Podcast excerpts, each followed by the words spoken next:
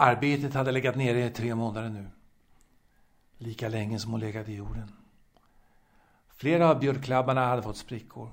Och när det väl uppstått sprickor i råmaterialet var det meningslöst att fortsätta. Det visste han.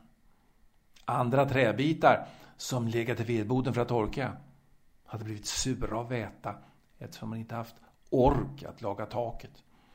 Inte heller dem kunde han använda. Ibland hade han i alla fall satt på sig läderförklädet plockat upp en klabbe som dök. Han hade då vridit och vänt på den i olika vinklar, sökt efter en idé, en orsak till att fortsätta och därefter besviket kastat träet ifrån sig. Dagen hade upplösts av drickat. Den ena dagen var den andra lik. Var det vardag eller helgdag? Han struntade i vilket. Men eftersom lokalbladet kom i brevlådan varje fredag kunde han i alla fall hålla reda på veckorna. Pengar på banken hade han. Ja, pension hade han. Så ingen skulle i alla fall kunna köra iväg honom från gården för obetalda räkningar. De tömda flaskorna låg kastade i ett hörn. Klirrade fult när han nu tankspridd gick mellan dem för att öppna verkstadsfönstret. Dammet rycktes loss ur sitt sömniga slummer på fönsterkarmen och virvlade runt i solstrålen.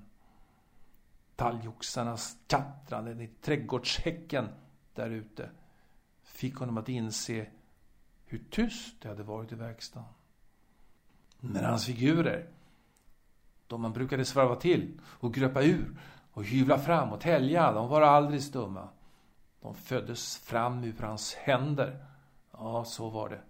De föddes när de väl funnit sin uttryckliga gestalt, ömsom skrikande, ömsom skrattande.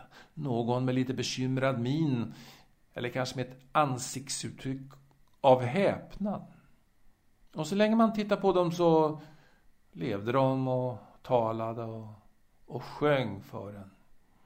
Och de led alla mänskliga lidanden och de svor och de kysstes och de dansade och de grät och de kom i säng och de födde barn. Men nu föddes här inga längre. Här dog man bara. Det hade blivit eftermiddag och han gick mot hundkojan där han satte sig på huk och hälsade på sin finska stövare döpt till August.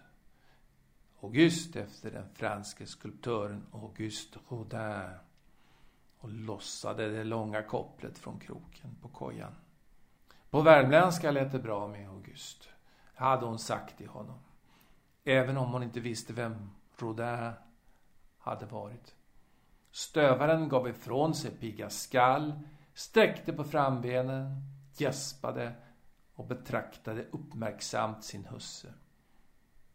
För att få veta om det nu var dags att bege sig ut i skogen igen.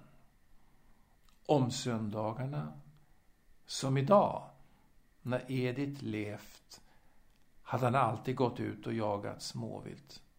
Hare mest, men under vinterhalvåret också fasan, ungfåglar. Det var en vana svår att bryta. Men när han hade varit ute några timmar i skog och mark, oavsett om han fått byta eller ej, så längtade han tillbaka till Edith, som alltid väntade på honom. Sittandes i den knirrande grå gungstolen med sitt syarbete i händerna. Han häktade ner geväret från väggen, laddade, stoppade ner en ask ammunition i rockfickan. Och sin hatt måste han ha. Ängarna övergick efter någon kilometer till tätbevuxen urskog där massiva granar, ofta övertäckta av ljusgrön lava, trängdes och kivades om livsutrymmet. I skriften hade Jesus kommit till ett fikonträd och när det inte fanns frukt att hämta från det hade det förbannats och då hade det genast torkat och dött. Så är det här i världen.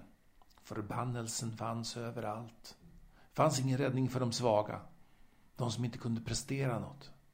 En av hettan förtorkad gren small när han tanklöst klev på den.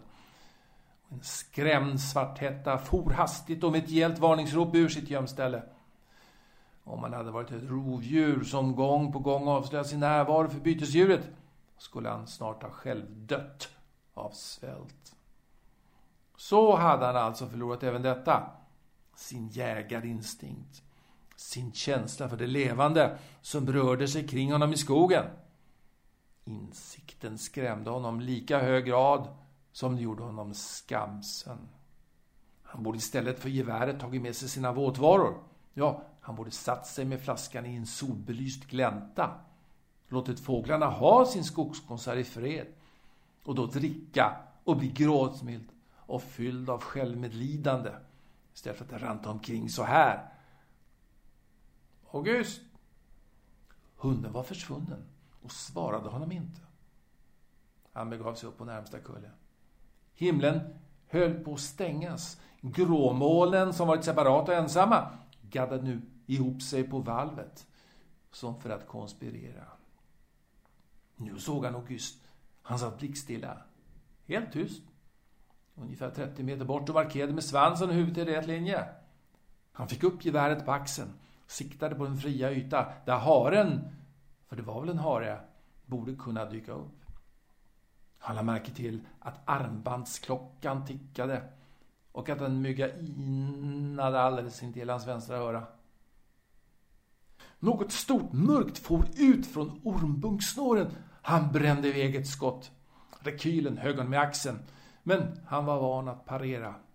Han visste förstås att det var dumt att skjuta innan han fått korn, men han hade blivit överrumplad av snabbheten i flyktrörelsen. Så snabb var ingen hare. Så mycket var säkert. Han stack ner handen i jackfickan och grep efter ammunitionen. Öppnade geväret för omladdning och tryckte tveklöst och vant ner en patron. Var det, vad det nu var, skadat borde det finnas blodspår. I alla fall något som August kunde vädra, som kunde leda honom till djuret. Om inte annat för att ta djuret ur sitt elände, om det nu hade blivit träffat. Han var inte grym. Han var en jägare, men kände samvetet tynga honom när han tidigare i jaktlaget bara lyckats skadeskjuta en älgko som de sen måste jaga en halvtimme innan de kunde fälla den. Och skam kände han också när laget vid eftersnacket vid elden pratat igenom jakten. Kanske han börjat få dålig syn. Bara efter någon minut springande hade han blivit så andfådd att han måste vila. Han böjde sig och lät de grova händerna vila på de jordiga byxknäna. Han var trots allt inte 30 längre, inte ens 40. Men eh, stövlarna var ju tunga, ursäktade han sig. Så tyckte han sig höra August skall i närheten. Ja, stövaren var tydligen bakom de där märkligt formade granitbömlingarna som man aldrig tidigare lagt märke till trots att han inte var främmande för de här trakterna. Han sträckte på sig igen, spände bröstet och tog ett djupt andetag. Gick så ett halvt varv för att komma till andra sidan stenformationen. Det fanns en skreva där som han med nöd och näppe nog kunde tränga sig igenom. När han kikade in i den såg han August stående i vad som verkade vara en slags grotta eller, eller ide. Men Inga björnar låg kvar i sina ide nu, på sommaren. Han kallade på August, men, men han satt kvar där inne, helt stilla. Det var då självaste. August var ju en jakthund.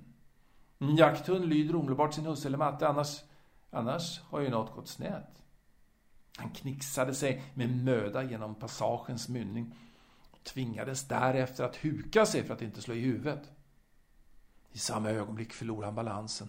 Geväret gled skramlande ner i ett hålrum, helvete, där det kilades fast. Gud ville alltså förstöra för honom ännu en gång. Han ruggade försiktigt på vapnet. Ja, det var ju trots allt laddat. Han sökte komma tillbaka till det läge varifrån det hade fallit. Men skjutvapnet var som ett skruvstäd där nere. Det var passiviserat, oåterkalleligt tystat. De beslöt att försöka dra upp geväret på återvägen. Nu var han inne och fann sig stående på en närmast cirkulär gräsbevuxen yta, märkligt nog utan ogräs. Och han var omgiven av massiva granitväggar alla sidor. Och det enda som förhindrade att det var becksvart var det, det obegripligt intensiva ljus som kom från en springa rakt ovanför. Edith! Hon stod där framför honom. Sirlig, välproportionerad och graciös. Precis så såg hon ut när han hade träffat henne första gången. För länge, länge sen. Men vad gör du här? Du är ju död. Han tog förvirrad några steg bakåt, sjönk ner i stövelskaften i en bädd av någon slags mossa han inte lagt märke till tidigare och fick en känsla av att vara på väg att drunkna. Edith! Nu såg han henne igen. Och åter stod han på gräscirkeln och stövlarna var rena och torra. Han måste bära hem henne. Han kysste henne. Hennes kyss var precis som han mindes den från förr. Det väckte något i honom. Edith! Hon log mot honom. Han försvann och lyftes upp. Flera minuter måste ha försvunnit för honom. Bara försvunnit ur minnet. För nu märkte han att han tydligen var på väg hem igen. Och geväret, det han hade på axeln. August gick tyst vid hans sida som så många gånger förr. Och åter var himlen alldeles klar. Nu hade han lämnat urskogen bakom sig och nu, på andra sidan veteåkern, såg deras rödvita stuga och borden och brunnen och trädgården med äppelträden och verkstaden for en enda tanke genom honom. En tanke som var både enträgen och rofylld. Och det märkte han djupt inom sig. Oåterkallelig. Han skulle hem och fullborda sitt verk.